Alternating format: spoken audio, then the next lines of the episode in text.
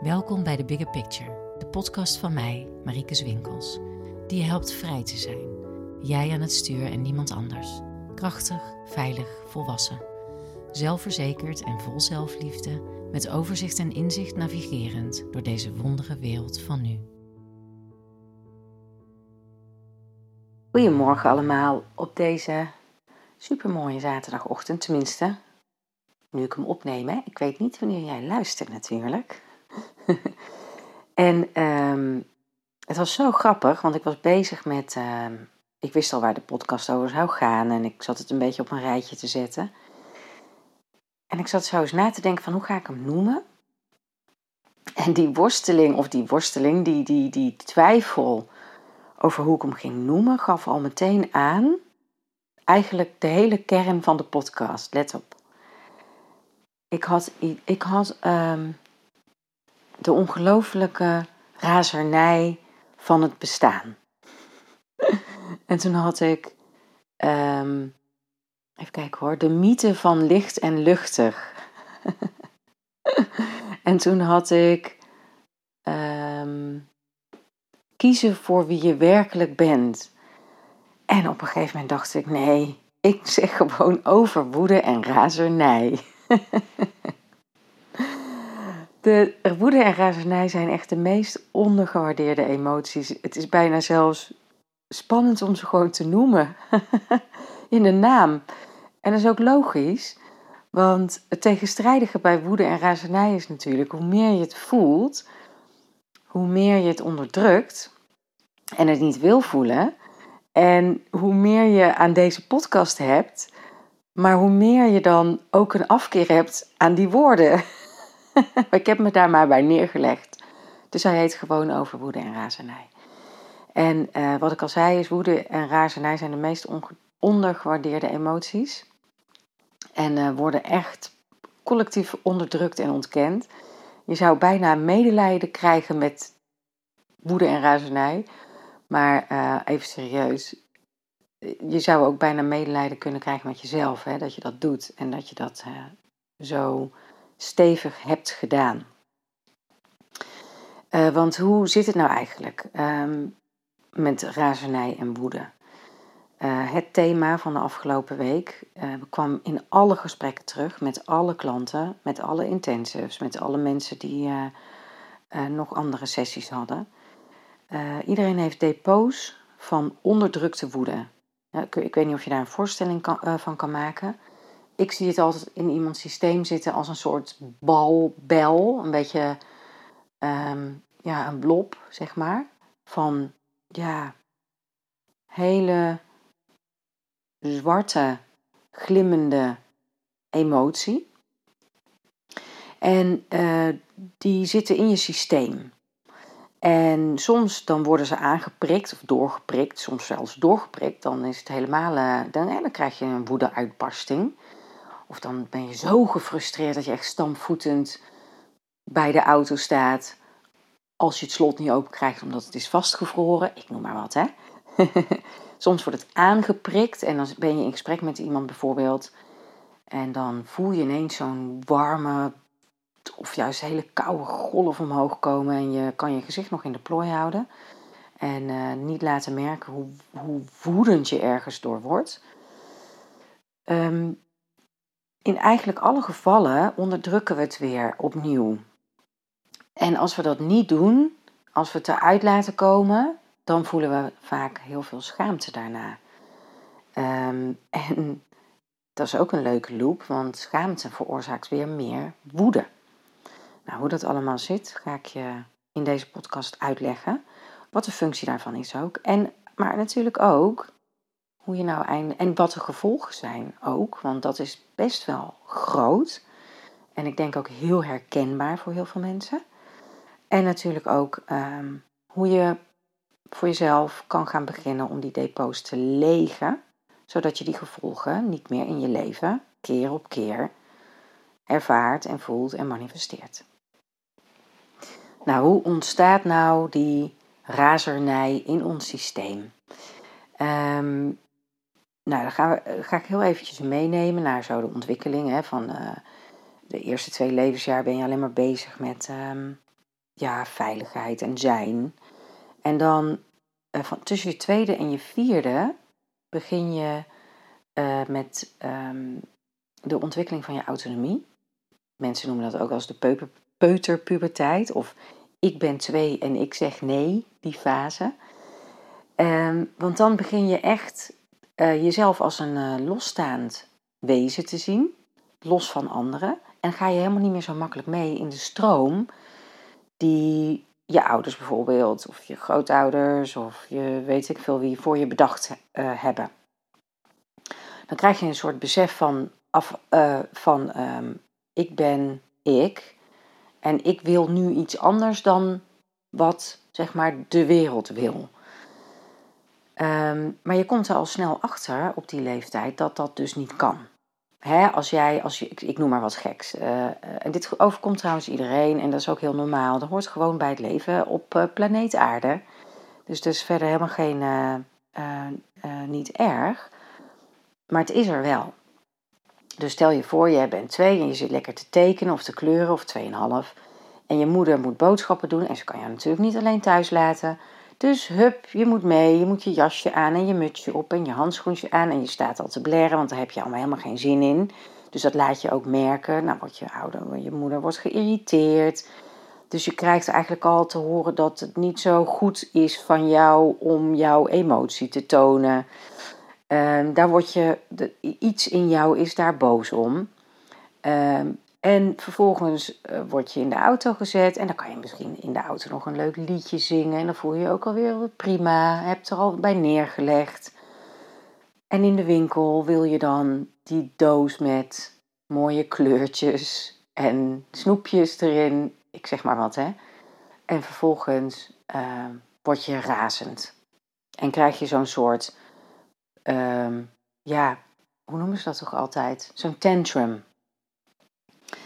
En wat gebeurt er dan op het moment dat je zo'n soort tantrum krijgt? Dan doen heel veel mensen wat ze geleerd hebben van hun eigen ouders of van de maatschappij of van het consultatiebureau. Ze uh, proberen je te negeren. Of er ontstaat zo'n soort ijzige boosheid weer naar jou, want uh, zij schamen zich. Al hun eigen onderdrukte razernij wordt geraakt. En schamen zich kapot dat mensen zien hoe jij je gedraagt en zijn bang dat zij dan weer als slechte ouder worden gezien of een ouder die zijn kind niet in de hand heeft. I don't know, ik roep maar wat dingen. Dit zijn allemaal mogelijkheden en opties in wat er dan om je heen kan gaan. En vervolgens um, word je dus afgewezen om die razernij die je voelt. Je ligt daar misschien eh, te krijsen op de grond of in dat karretje. En je leert dus al heel snel in je jonge leven dat die razernij niet de bedoeling is. Die razernij komt, komt er vandaan dat je machteloos bent. Dus met andere woorden, je, bent, je, kom, je, je komt op een leeftijd waarin je beseft dat je niet zelf kan bepalen wat jij doet. En je begint ook, en je komt ook op een leeftijd dat je wel dingen zelf wil bepalen. Dat kan dus niet dus je bent machteloos. Je hebt geen macht. Jij kan niet bepalen wat we doen. Tot op zekere hoogte wel hoor. En, en, en zeker hè, in deze tijd eh, wordt er goed naar kinderen geluisterd. Maar toch zijn er altijd momenten, zoals zo'n moment wat ik net schetste, waarin je daar geen macht over hebt. Nou, zo is dat nou eenmaal. Dat, heb, dat maakt iedereen mee. En als je dan ergens boos over wordt, dan heb je een, ehm, een optelsom. En die optelsom die gaat zo. Boos plus machteloos is razend. Ga maar eens na in jezelf. Alles in jou komt in opstand op het moment dat je ergens boos om bent, maar je hebt geen macht erover. Boos plus machteloos, dan voel je razernij. En ik denk dat als je teruggaat in je gedachten van wanneer was ik de laatste tijd nou de laatste keer echt razend, dan ehm, zal dat een moment geweest zijn waarop je zowel machteloosheid als boosheid hebt gevoeld. Maar ehm, omdat je dus machteloos bent, heb je ook geen keuze dan het onderdrukken. En zo wordt die onderdrukte woede en razernij een soort deken die jou dempt. Nou, om even terug te gaan naar het kindje in de winkel. Ehm, er zijn maar heel weinig ouders, en ik denk dat maar weinig van ons dat hebben meegemaakt, dat op het moment dat jij een razonajaanval krijgt, of een tantrum, of hoe je het ook wil noemen, dat een ouder daar heel rustig en relaxed en comfortabel bij is en gewoon wacht tot het over is. Of je zelfs misschien knuffelt en je vraagt van joh, ben je zo boos meisje, ik begrijp het. De meeste ouders zullen zich ofwel ongemakkelijk voelen of ze gaan je uitlachen. Dat zie ik heel vaak. Ouders die zich uh, schamen, en, uh, maar niet willen, want dat is altijd leuk bij schaamte, maar dat is een hele andere podcast. Mensen schamen zich vaak dat ze zich schamen. Dus vervolgens gaan ze verbergen dat ze zich schamen door ja, heel een ehm, beetje schaal grappig te doen erover. Ik zie soms ouders kinderen nadoen. Helemaal verschrikkelijk natuurlijk voor zo'n kind. Hè? Echt iets om nog razend. Ik bedoel, daar word je als volwassene al razend over. Laat staan als je als kind daar totaal machteloos in bent. En nou ja, goed. Ehm, ehm, zo leer je dus dat, dat je, hoe, hoe je ouder ook reageert. Hè, behalve die uitzondering die daar zo ontspannen mee om kan gaan. Ehm, je wordt afgewezen. En als kind, en daar heb ik het al vaker over gehad, is veiligheid het allerbelangrijkste. En als je afgewezen wordt, ben je niet veilig. Dus ga je snel zorgen dat je weer veilig bent. En dan ga je het goed maken, op wat voor manier dan ook. Je gaat bijvoorbeeld lief doen of je gaat in ieder geval stoppen, hè, want het werkt niet. Ehm, of je gaat, uh, nou ja, je gaat je in ieder geval zo gedragen dat mama, in dit geval, niet meer jou afwijst, maar weer van je houdt. Je kan ook zielig gaan doen of heel erg hangerig. Of nou ja, goed, jullie hebben daar vast wel beeld bij. En misschien dat je ook je eigen kinderen erin herkent. Toen ik hiermee bezig was, dacht ik echt van, oh my god. Ik zag het allemaal terug in mijn kinderen en hoe ik daarmee om was gegaan. Ook ik ben zo'n ouder geweest die in de supermarkt op verschillende manieren ben omgegaan met dat uh, boze en razende kind. Uh, ik was toen helemaal niet in staat om er ontspannen in te zijn, want ik schaamde me echt kapot. Of ik werd zelf heel boos uh, en vond dat hij maar normaal moest doen. Of ik um, ja, nam hem, ging naar huis en dan was het zijn schuld bijvoorbeeld. Hè? Van nou, dan gaan we maar naar huis. Nou, als het zo moet, weet je wel. Dus ja, ik was in die tijd niet die ontspannen, blije ouder die dan dacht: ach, gossie toch, even je woede lekker uit, uh, ga je gang. Dat, uh, nee, in die tijd ik dat echt helemaal niet. Um, nou ja, in ieder geval, je leert dus al vrij jong dat razend zijn in onze maatschappij in elk geval echt niet not done is. En om nog even het erger te maken, als je een meisje bent of een vrouw, dan is het nog erger. Want van jongetjes wordt het nog meer. Ik weet dat we allemaal heel modern zijn en denken dat we daar uh, niet aan meewerken, maar in, ons, uh, in, de, in de consensus blueprint zit gewoon dat meisjes. Een, een, ja, ik, ik zeg het eens vaker: een boze vrouw is een bitch. En niemand wil een bitch zijn.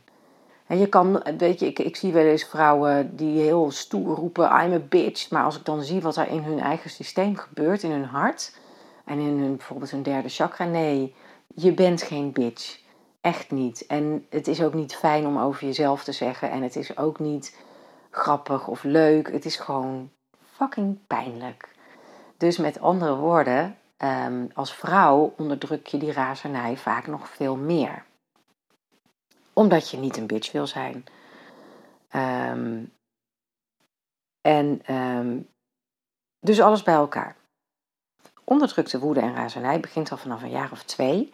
Bouw je zo je hele leven op, want je wordt er ook steeds bevestigd. Als je dan al een keer uh, razend wordt in je puberteit bijvoorbeeld, want dan komt het er ook vaak uit, dan uh, wordt daar ook zo over gesproken, hè, van, uh, of werd, van nou, um, ja, dan is er wel iets of zo. Hè? Dus in ieder geval niet, niet positief of goed. En um, ja, die laagjes van onderdrukte woede en razernij, die vormen een soortje, ik, ik zie het altijd maar zo vormen alsof je onder een laagje dekentjes ligt. En hoe meer het er zijn, hoe zwaarder ze neerdrukken. Het zijn ook niet van die luchtige katoenen dekentjes, maar meer van die zware paardendekens. Weet je wel, van die zware wollen dekens die zo. En dan elke keer boef, komt er weer een laag op. En het dempt andere emoties, dus, uh, maar vooral de plezierige emoties, levenslust, er kunnen genieten van dingen. Um, um, eigenlijk als je zo jezelf ziet liggen in een bedje met een, een flinke laag van die dikke zware paardendekens over je heen, dan ja, wordt depressie ook een ander, het is een ander perspectief op, op je depressief voelen. Want ja, het is nogal deprimerend, al die zware lagen. En, en ja, waar, hoe kun je dan nog bij blijheid, levenslust, uh, optimisme enzovoorts. En je kan niet echt selectief onderdrukken. Die woede die is er, maar tegelijk is die er niet. Hè, want die kan er niet, zeg maar, die is er wel van binnen, maar niet van buiten. En omdat we hele waarachtige wezens zijn, wringt dat en schuurt dit. En ja, je, je voelt het eigenlijk continu in je systeem, of je je daar nou bewust van bent of niet. En ehm, wat zorgt nou voor die onderdrukking? Waarom noemen we dat nou eigenlijk? Nou, dat komt door uh, die consensus imprint die ik wel eens vaker noem: guilt, shame en judgment. Oftewel, uh, the big three: schuld, schaamte, oordeel. En eigenlijk denk ik als je dit zo hoort dat je denkt, oh ja, dat is ook wel logisch. Stel je bijvoorbeeld voor, um, uh, je bent ergens boos over, maar je bent ook machteloos, dus dan word je razend, maar het heeft geen zin. En voordat je het weet, um, uh, zit je in een soort van schuldschaamte oordeel naar jezelf dat je überhaupt dat soort emoties hebt. En als je ze toont of als je ze uh, laat zien op een manier die past bij razernij en woede, dan schamen we ons. Want, nou, ik zei het net al, hè, een boze vrouw is een bitch, eh, woede aanvallen zijn not done. Um, wat, wat ik wel eens mensen hoor zeggen is van, ja, maar je kan ook gewoon zeggen, hè, nu ben ik boos. Ja, dat kan. En dat is ook wel heel mooi in interactie. Alleen doet het echt zo volslagen geen recht aan de emotie boosheid. Of, uh, en, en al helemaal niet aan woede en al helemaal niet aan razernij. Nou, zeg ik nou dat je dus razend moet gaan zeggen dat je razend bent tegen andere mensen of uh, dat je dat bij anderen moet dumpen? Nee, helemaal niet. Daar kom ik straks op, hè, wat je ermee kan doen. Want op zich is het natuurlijk heel goed als je op een volwassen manier communiceert over je emoties, zonder dat je die emoties vervolgens helemaal dumpt bij de ander. Um, alleen zit daar nog een staartje aan vast. Op een volwassen manier communiceren over je, uh, over je emoties is vaak het enige wat we doen, als we tenminste onszelf goed genoeg in de hand hebben en stevig genoeg kunnen onderdrukken. Um, maar daar laten we het dan vaak bij. Er zijn maar weinig mensen die daarnaast, naast het normaal, hè, wat wij als normaal in, als maatschappij als normaal zien, communiceren over onze emoties, die dan daarnaast die emoties ook nog eruit laten en laten doorstromen. En bovendien is het ook nog zo, wat is normaal? Dus als jij gewoon uh, met een blij gezicht zegt, ja, ik ben daar heel boos om, dan is dat in feite niet normaal als je normaal zou zien als waarachtig. Boos zeggen, ja, daar ben ik boos om, dat is wel eigenlijk passender. Maar ook daarvan schrikken heel veel mensen al. Uh, en ik doe het zelf ook hoor. Als ik uh, iemand in de winkel zie die op een boze toon praat tegen een medewerker, dan ben je al op je hoede. In onze collectieve imprint is woede en razernij gewoon echt een hele um, oncomfortabele emotie waar we heel veel moeite mee hebben. Nou, blijven onderdrukken werkt niet. Daar word je alleen maar lusteloos of gefrustreerd of wanhopig, nog machtelozer, nog meer. Oh, weet je, de meeste mensen op een gegeven moment zeg je, dan ken je vast wel dat soort interne dialoog. Ja, het heeft toch geen zin, laat maar. Weet je wel, laat maar. Ja, nee, laat maar. Het heeft toch geen zin. Ik, ik praat er wel niet over. Ik leg het wel niet uit. Ik hou mijn mond wel. Nou, als je, als je daar een beetje in doorvoelt, dan voel je de razernij al opkomen. Nou, wat werkt wel? Uh, dat is beseffen dat je, dat je ehm, hele volle depots hebt. Dat heeft iedereen. Behalve als je ze al geleefd hebt natuurlijk. Hè? Ehm, dus dat, zijn, dat is oude razernij. En het beseffen dat uh, het normaal is om razend te zijn. Omdat als je machteloos bent en je bent boos, dan ben je nou helemaal razend. Uh, dus met andere woorden, en boosheid is natuurlijk sowieso een hele normale uh, emotie. Ook dat bestaat. Dus met andere woorden, dat je beseft dat, het, dat je het zowel volle depots hebt als verse woede en razernij. Dat is één, punt 1. Daarnaast is het eigenlijk gewoon nodig, als je hier eenmaal mee bezig bent en je merkt van ja, ik, ik heb die opvliegende emoties, ik, ik wil of ik voel me juist heel lusteloos, snel gefrustreerd, wanhopig, machteloos. Het legen van die depots, dus de oude, vastgehouden emoties die gewoon in je systeem zitten en hun boodschap aan het uitzenden zijn, of je dat nou wil of niet, uh, legen. En wat is daarvoor nodig? Nou, daar moet je heel vastberaden voor zijn, want het is niet gebruikelijk en je moet ook een soort van dapper zijn en een bereidheid hebben om dat eruit te laten. En verder uh, is het handig als je diezelfde vastberadenheid en dapperheid en bereidheid hebt om in het ware echte leven hier en nu, op het moment dat je boosheid voelt, dat gewoon te uiten. En op het moment dat je je razend voelt, dat gewoon te uiten, zodat je geen nieuwe depots maakt. Nou, daar vertel ik zo meteen nog iets meer over van hoe kan je dat nou doen zonder uh, dat anderen daar uh, nou direct helemaal mee ondergesneeuwd worden. Want dat, dat willen we natuurlijk ook niet. Hè? Jullie zijn, iedereen die luistert naar deze podcast, die is natuurlijk, jullie, je bent een heel lief mens. Je wil helemaal niet anderen pijn doen of kwetsen of belasten. Daar vertel ik zo nog wat meer over.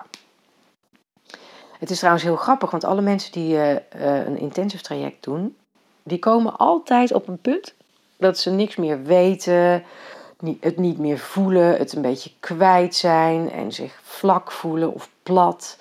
zo van ja, ik voel me helemaal, ja, ja, ik weet het niet hoor. Ik, uh, nee, ja, ik voel eigenlijk niks meer nu. Ik weet niet hoe ik verder moet. En ja, ik zie het niet, ik zie het niet meer. En dat is altijd het moment uh, dat die razernij, dat je daar bent beland. Want um, dat is het punt waarop je dus het bij het onderdrukken komt. En dat is heel spannend en eng, want het is namelijk de last straw. dat klonk heel raar, hè? Ik zei, ik zei het op een gekke manier. Hoe noem je dat? De last straw, weet je wel? Het laatste, allerlaatste waaraan je je vasthoudt. Dat onderdrukken is het allerlaatste waaraan dat je kan vasthouden aan iemand die je niet werkelijk bent die persoon waar het goed mee gaat en die maar doorgaat en die heel spiritueel is en, heel, en, en, en die, die veel weet en heel liefde en licht is en heel positief denkt en positief in het leven staat. En ja, ik heb echt vertrouwen dat het allemaal goed komt. Nou, op een gegeven moment is het allemaal een soort van afgeslepen. En dan kom je bij dat stuk van ja, ik, ik voel eigenlijk helemaal niks meer. Nou, dan, dan ben je bij die razernij. En het mooie is als je daar uh, doorheen gaat en je gaat die depots legen. Ik heb dat echt bij heel veel mensen nu inmiddels gezien. Ik heb het eerst zelf allemaal gedaan natuurlijk. Uh, en ik schrijf er ook over in uh, eh, 40 dagen liefde voor jezelf. Daar staan trouwens ook wel handvatten daar hierover, hiervoor in. Um, maar als je eenmaal die depots hebt geleegd en je hebt geleerd dat je gewoon je emotie mag voelen in het moment dat je het voelt. En je hebt handvatten om dat gewoon te uiten zonder meteen eh, de boel kort en klein te slaan, zal ik maar zeggen. Dan hoef je je niet meer positief op te stellen, want dan ben je positief. En je hoeft ook niet het goed te doen, want dan, dan ben je goed. Volgens jou en jij bent de enige die telt. Want uh, ja, het draait in feite alleen maar wat jij van jezelf vindt. En op het moment dat jij jezelf hebt toegestaan die waarlijke zelf te zijn en ook dit stuk in jezelf gewoon te erkennen en te zien en daar als een volwassene mee om te gaan en die depots te legen en jezelf aan te leren hoe je gewoon je emoties kan voelen, jezelf dat ja, aan te leren, jezelf dat toe te staan, hè, die, wat er overheen ligt aan schuld, schaamte, oordeel, gewoon weg te halen en gewoon echt te zijn, ja, dat is zelfliefde. Dan heb je jezelf bevrijd. En dan hoef je dus niet meer het goed te doen, want dan vind je jezelf dus al goed. Machteloze woede en razernij ontladen is het grootste cadeau wat je jezelf kan geven op meerdere niveaus. En uh, het is belangrijk daarbij in de gaten te houden dat je uh, verschillende fases hebt waarin je dit op hebt gebouwd. Dus als je die depots gaat legen, kom je ook weer, uh, krijg je te maken met verschillende delen in jou.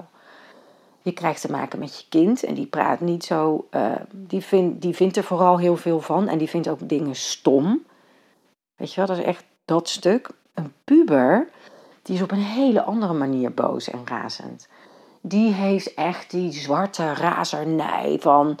Ik schiet iedereen kapot. Ik duw je, met je, ik duw je uit het raam. Uh, trouwens, kinderen kunnen dat soort dingen ook echt zeggen. Hè? Ik weet niet eh, of jullie daar zelf ervaring mee hebben, maar mijn kinderen hebben dat soort dingen echt gezegd. En alle kinderen van al mijn vriendinnen en al mijn klanten ook. Dus inmiddels ga ik er een beetje van uit dat echt alle kinderen dat hebben. Uh, dat ze echt zeggen van, uh, mijn zoon zei, zei dan bijvoorbeeld uh, tegen zijn broer, als hij het allemaal niet, echt, als die machteloosheid zo sterk was van, ik ga je uit het raam duwen en dan val je dood op de grond, weet je wel. En daar kan je inderdaad als ouder heel erg van schrikken, of je kan ook gewoon zien van, nou, die voelt zich machteloos en boos, oftewel, die is razend. En nee, dat menen kinderen helemaal niet, maar dat is wel een hele goede manier om die razernij eruit te laten. Nou, pubers, die, uh, die zijn veel grover, die kunnen ook echt schelden. En, uh, en hele grove taal gebruiken daarin. En uh, jongvolwassenen, die zijn meer self-righteous, weet je wel. Heel erg van um, hoe durf je, en die verontwaardiging hoe haal je het in je hoofd? Je, moet je, je zou je moeten schamen. Weet je wel, echt dat hele self-righteous gevoel.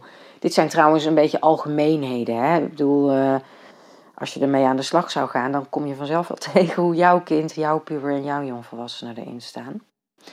Maar ze zijn er allemaal en in al die fases heb je je razernij moeten onderdrukken. Want in al die fases was het niet dienstbaar. Als kind is het niet dienstbaar, want dan maak je jezelf onveilig. Als puber is het niet dienstbaar, want dan, hè, dan mis je die belonging die je juist zo nodig hebt in je puberteit. En als jongvolwassene is het niet dienstbaar, want dan mis je je erkenning en je waardering. Dus uh, dat onderdrukken is eigenlijk, dat zijn overlevingsstrategieën, die helemaal niet zo uh, dom zijn, want ja, als kind is je basisbehoefte veiligheid en als puber is het belonging en als jongvolwassene is het erkenning en waardering. Dus je hebt in feite goed voor jezelf gezorgd door ze te onderdrukken. Alleen op een gegeven moment ben je volwassen en dan gaat het alleen nog maar over wie ben ik. Ja, en als je dan merkt van oké, die depots die zitten nou eenmaal in mijn systeem, ga ik ze nou blijven onderdrukken of ga ik, ze, ga ik mezelf bevrijden? Ja, dan, dan is de keuze natuurlijk gewoon uh, heel persoonlijk, uh, maar weet in ieder geval dat het kan. Nou, ik heb al eerder verteld van hoe doe je dat dan? Hè? Nou, je gaat niet naar andere die razen. Je gaat niet naar iemand toe en je slaat zijn auto in elkaar. Of je trapt de deur in en uh, nou ga ik jou eindelijk eens even vertellen hoe het werkelijk zit. Weet je wel, dat, daar heeft helemaal niemand wat aan. Uh, want dat is ook helemaal niet volwassen. Want dan dump je al jouw shit weer bij een ander. En die moeten daar dan weer mee dealen. In feite geef je het dan gewoon door.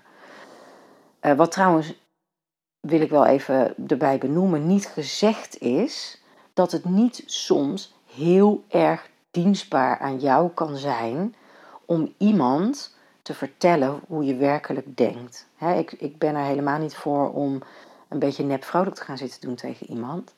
Maar ehm, eh, dus met andere woorden, op het, het kan best zijn dat het in jouw proces heel dienstbaar is om iemand die, die je leven zuur heeft gemaakt, gewoon een keer te zeggen van ik ben heel erg boos op jou. Jij hebt me echt als een weet ik veel wat, behandeld. En blijf uit mijn leven, want ik, hè, zoiets. Eh, maar dat is iets anders dan echt je razernij de volle loop laten en weet ik veel wat. Daar moet je natuurlijk je eigen nuances in vinden. In ieder geval is het zo, als je uh, je kind, je puber, jongvolwassenen, die hebben die razernij allemaal lekker onderdrukt, zoals het ook hoort en nodig is. En, ehm, ehm, en de mensen die je zo boos en razend hebben gemaakt, dat zijn echt ook mensen waar je gewoon van houdt. Zoals je ouders en misschien leraren en vriendinnen en je partner. En, en als je ouder wordt, nu ben je jong, in je jongvolwassenheid, collega's en weet ik veel wie allemaal. Dus, ehm, en dan is het vooral niet handig om het bij hun te dumpen, want dat schaadt ook je relatie en, en daar heb je misschien ook helemaal geen behoefte aan. Dus wat je wel kan doen, is het doen in een visualisatie. En um, nou ja,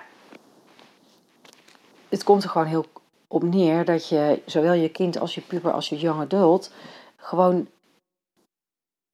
hun woordje laat zeggen gewoon zoals ze zijn. Dus de, de, de, de echte, pure emotie. Hè, als, je, als je die depots gaat legen, dat je het eruit gaat laten op de manier die echt is. In een visualisatie, of je kan, ik noem het altijd een woede-meditatie of, uh, of een razernij-meditatie. Um, en je ontlaat op die manier die depots. Je hoeft ook helemaal niet hardop te gaan schreeuwen of zo. Mag allemaal wel. Ik heb ook vaak genoeg in de auto uh, op landweggetjes. Dan was het wel nodig. Nogmaals, dat is heel persoonlijk. Um, in de auto is dat altijd fijn, want dan kan je heel hard schreeuwen zonder dat de anderen daar heel veel last van hebben. Maar, en dat herkennen sommigen van jullie misschien ook wel. Maar het hoeft niet, hè, wat ook gewoon heel fijn is voor jezelf als je het op een manier doet die je niet helemaal uitput en leeg trekt. Maar ja, aan de andere kant, nogmaals, soms is dat wel nodig. Dus kijk maar gewoon wat je daar zelf in, uh, in wilt doen. En um, dit wil niet zeggen dat je, als je hiermee bezig gaat, dat je dan vrij en blij door het huis heen loopt. Want het kan best wel zijn dat je dan een tijdje gewoon heel veel boosheid voelt de hele tijd. En dat je dus niet zo um, uh, gezellig bent om bij te zijn. Dus dat je partner bijvoorbeeld of je kinderen daar uh, ja, last van hebben. Maar dan wil ik je ook meegeven dat ze er last van hebben, is weer niet helemaal jouw zaak. Hè? Daar kunnen zij zelf ook iets mee doen. En bovendien, wie heeft gezegd dat jij altijd leuk en gezellig moest zijn? Um, en bovendien kan je ook gewoon op een volwassen manier zeggen van ja, um, uh, als ik uh, ontplof of zagrijnig doe, ja, sorry, maar ik ben bezig met mijn uh, depot met onderdrukte razernij te legen.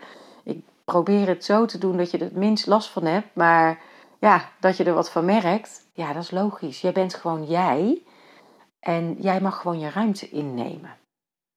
Dat is een beetje hoe ik er tegenaan kijk.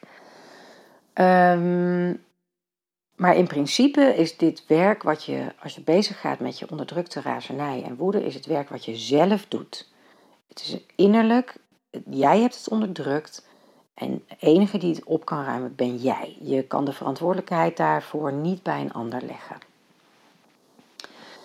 Um, nou, wat is het gevolg als je die woede, razernij, die machteloze woede, razernij gaat, dat depot gaat legen?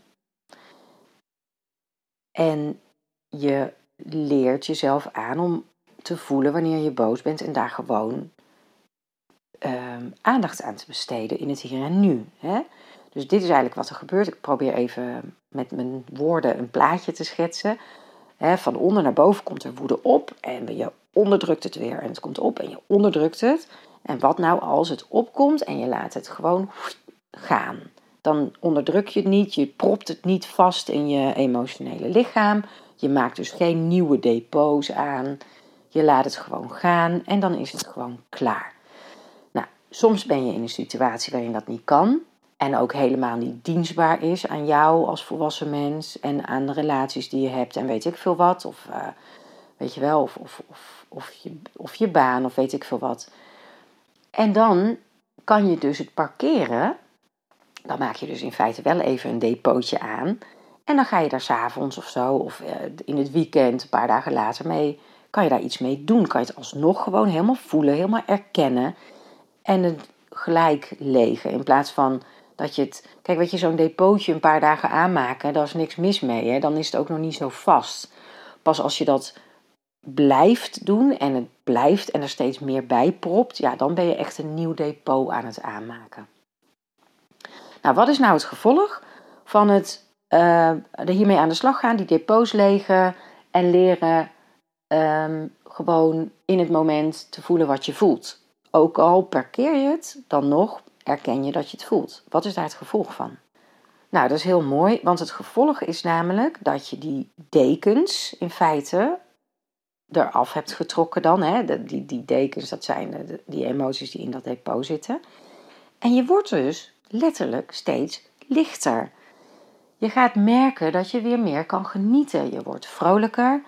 Uh, je krijgt ook weer je krijgt eh, een soort van humor terug. Hè? Je kan inzien uh, dat het allemaal niet zo'n drama is om woede en razernij te voelen. Met andere woorden, woede en razernij worden veel normalere emoties die gewoon bij het leven horen. Een super fijn en prachtig mooi, waar ik zelf heel dankbaar voor ben, side effect is dat je dus de razernij van bijvoorbeeld je kinderen gewoon kan gadeslaan zonder dat je zelf helemaal in je schulp kruipt en bang wordt. En dat je gewoon kan zien van ja, gooi het er maar uit. En dat je ook um, um, kan zeggen, eh, stel je voor een, een, een puber, die, wat ik al noemde, die zijn soms dan heel grof, kunnen echt schelden.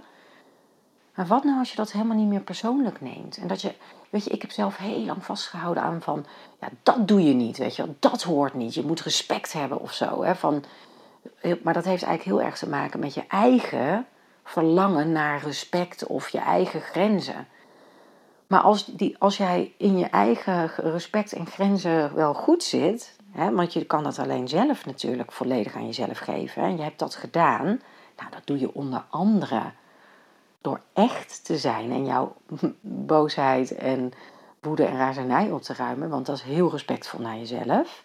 Want dat is heel erg volledig erkennend wie je werkelijk bent en nog steeds gewoon knetterveel van jezelf houden dan hoef je dat helemaal niet persoonlijk te nemen. En dan kan je gewoon daarna met je kind in gesprek zeggen van ja, maar het is logisch dat je zo razend bent.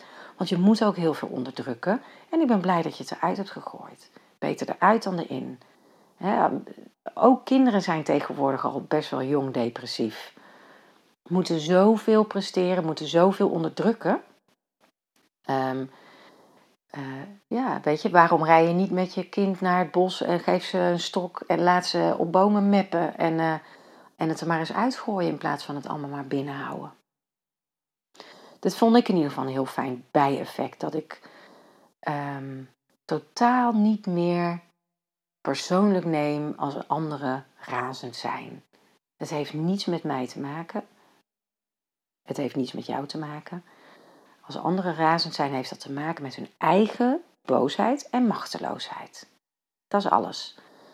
En uh, ja, als mensen zich dan heel erg schuldig voelen, heel erg schamen en zichzelf heel erg veroordelen, dan is de kans vrij groot dat ze vervolgens al die guilt, shame en judgment pakken en hem op jou projecteren.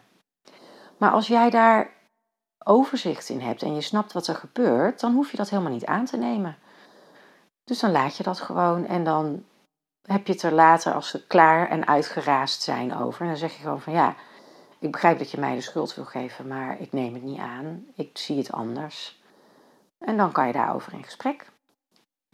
En soms eh, dan uh, wil niet zeggen dat mensen niet bepaalde dingen zeggen die in de kern misschien wel dat je denkt, oh ja, dat kan ik voortaan wel anders doen. Of inderdaad, ik heb niet goed geluisterd. Of ik heb bijgedragen aan iemand anders een machteloosheid. Dat is ook heel volwassen als je dat gewoon kan zien en erkennen. Um, want in het bevrijden van jezelf bevrijd je ook in feite jouw relatie met anderen. Van, kijk, als jij je macht niet meer weg wil geven, dan hoort daar ook bij dat je ook niet meer macht van anderen pakt. En um, er is helemaal niks uh, verkeerds aan dat we dat allemaal gedaan hebben. Maar het is ook wel heel mooi als je kan zien van, oh ja, dat heb ik ook gedaan. Bijvoorbeeld, uh, ik noem maar iets heel simpels. Iemand die wil iets niet en jij wil het wel en je haalt die persoon over. En je weet wel dat hij eigenlijk niet wil of zij, maar toch doe je het dan. Ja, dat is ook een vorm van macht wegnemen. Want je weet eigenlijk gewoon heus wel dat die persoon het niet wil. Nou ja, dat soort dingen, dat, dat zijn hele veel voorkomende en bijna normale dingen. Behalve als je erover na gaat denken van ja, waar ben ik dan eigenlijk mee bezig? Oké. Nou, ik hoop dat je um, hebt kunnen ervaren in deze podcast dat machteloze woede, razernij normaal is. in de zin dat we die allemaal kennen. Ik hoop dat je hebt kunnen voelen dat het misschien wel heel erg veel zou opleveren als je je depots gaat legen. En jezelf gaat aanleren om gewoon te voelen wat je voelt in het moment. Dat dat heel veel bijdraagt aan jouw zelfliefde, respect voor jezelf. En aan de plek die je kan innemen op aarde. Hè, dan, dat je jouw ruimte, want waar je onderdrukt, neem je je ruimte niet in. Dus ergens ben je kleiner dan jij werkelijk bent, zolang je onderdrukt. Dus ik hoop dat je hebt gevoeld van hé, hey, ik mag mijn ruimte meer innemen. Zoek je naar handvatten. Nou, er zijn duizend wegen die naar Rome leiden, dat weten we allemaal. Maar ik hou het even bij. Ehm, mijn, wat ik zelf aanbied, is in ieder geval in het boek 40 dagen liefde voor jezelf, wat overal verkrijgbaar is. Daar staat nog hier heel veel uitleg over, dan kan je het allemaal nalezen. En oefeningen om om te gaan met je woede en razernij. En in de Freedom to Fly, het programma wat ik heb, daar staat echt een heel uitgebreide module alleen maar hierover. En dat gaat nog veel dieper. Om echt uh, ja, daar stevig mee aan de slag te gaan. Maar ik weet zeker dat jij, als jij als Powerful Reality Creator besluit: hey, dit herken ik, ook al wil ik het niet. Ik heb zelf eerlijk gezegd, uh, voordat ik eraan toe was om mijn eigen onderdrukte razernij, en ik had heel veel, heel veel, om dat op te gaan ruimen. Daar heb ik jaren over gedaan. En ik heb altijd, ben ik stug vol blijven houden dat ik dat niet had. Want ik was, had ik allemaal al lang gedaan en ik had daar helemaal geen last van. Ik was altijd een heel vrolijk mens en licht en liefde. Ehm, ja, tot ik uh, in een boek las over glamouren. Hè, en, en dus dingen mooier voordoen dan ze zijn. En gladstrijken en goed praten. Daar kan je het aan, als je gedrag van anderen goed praat, dus grensoverschrijdend gedrag. Als je dat goed praat of glamourt, van ja, maar zo bedoelt hij het niet. Of ehm, ja, maar daar kan hij niks aan doen. Of daar kan zij niks aan doen. Dat, dan, dat je dan een grote kans hebt dat je je woede onderdrukt. Daardoor, toen ging er bij mij pas een lampje branden, want dat deed ik namelijk altijd. Want ik was zo begripvol voor iedereen. Nou, dat is bij mij het eerste, weet je dan zie ik zo'n kluwentje wol voor me en dan trek je aan één draadje en dan dondert het helemaal uit elkaar. Nou, dat was bij mij dat eerste draadje dat ik me realiseerde van ja, maar ik ben zo begripvol en ik snap iedereen en ik kan heel goed ehm, ja, soort van, ja, maar daar kan, je kan die niks aan doen. Of daar kan zij niks aan doen. Of ja, maar het glamouren van, ja, maar dat is juist heel mooi dat iemand zo zichzelf kan zijn. Nou, dat soort dingen, zei ik dan.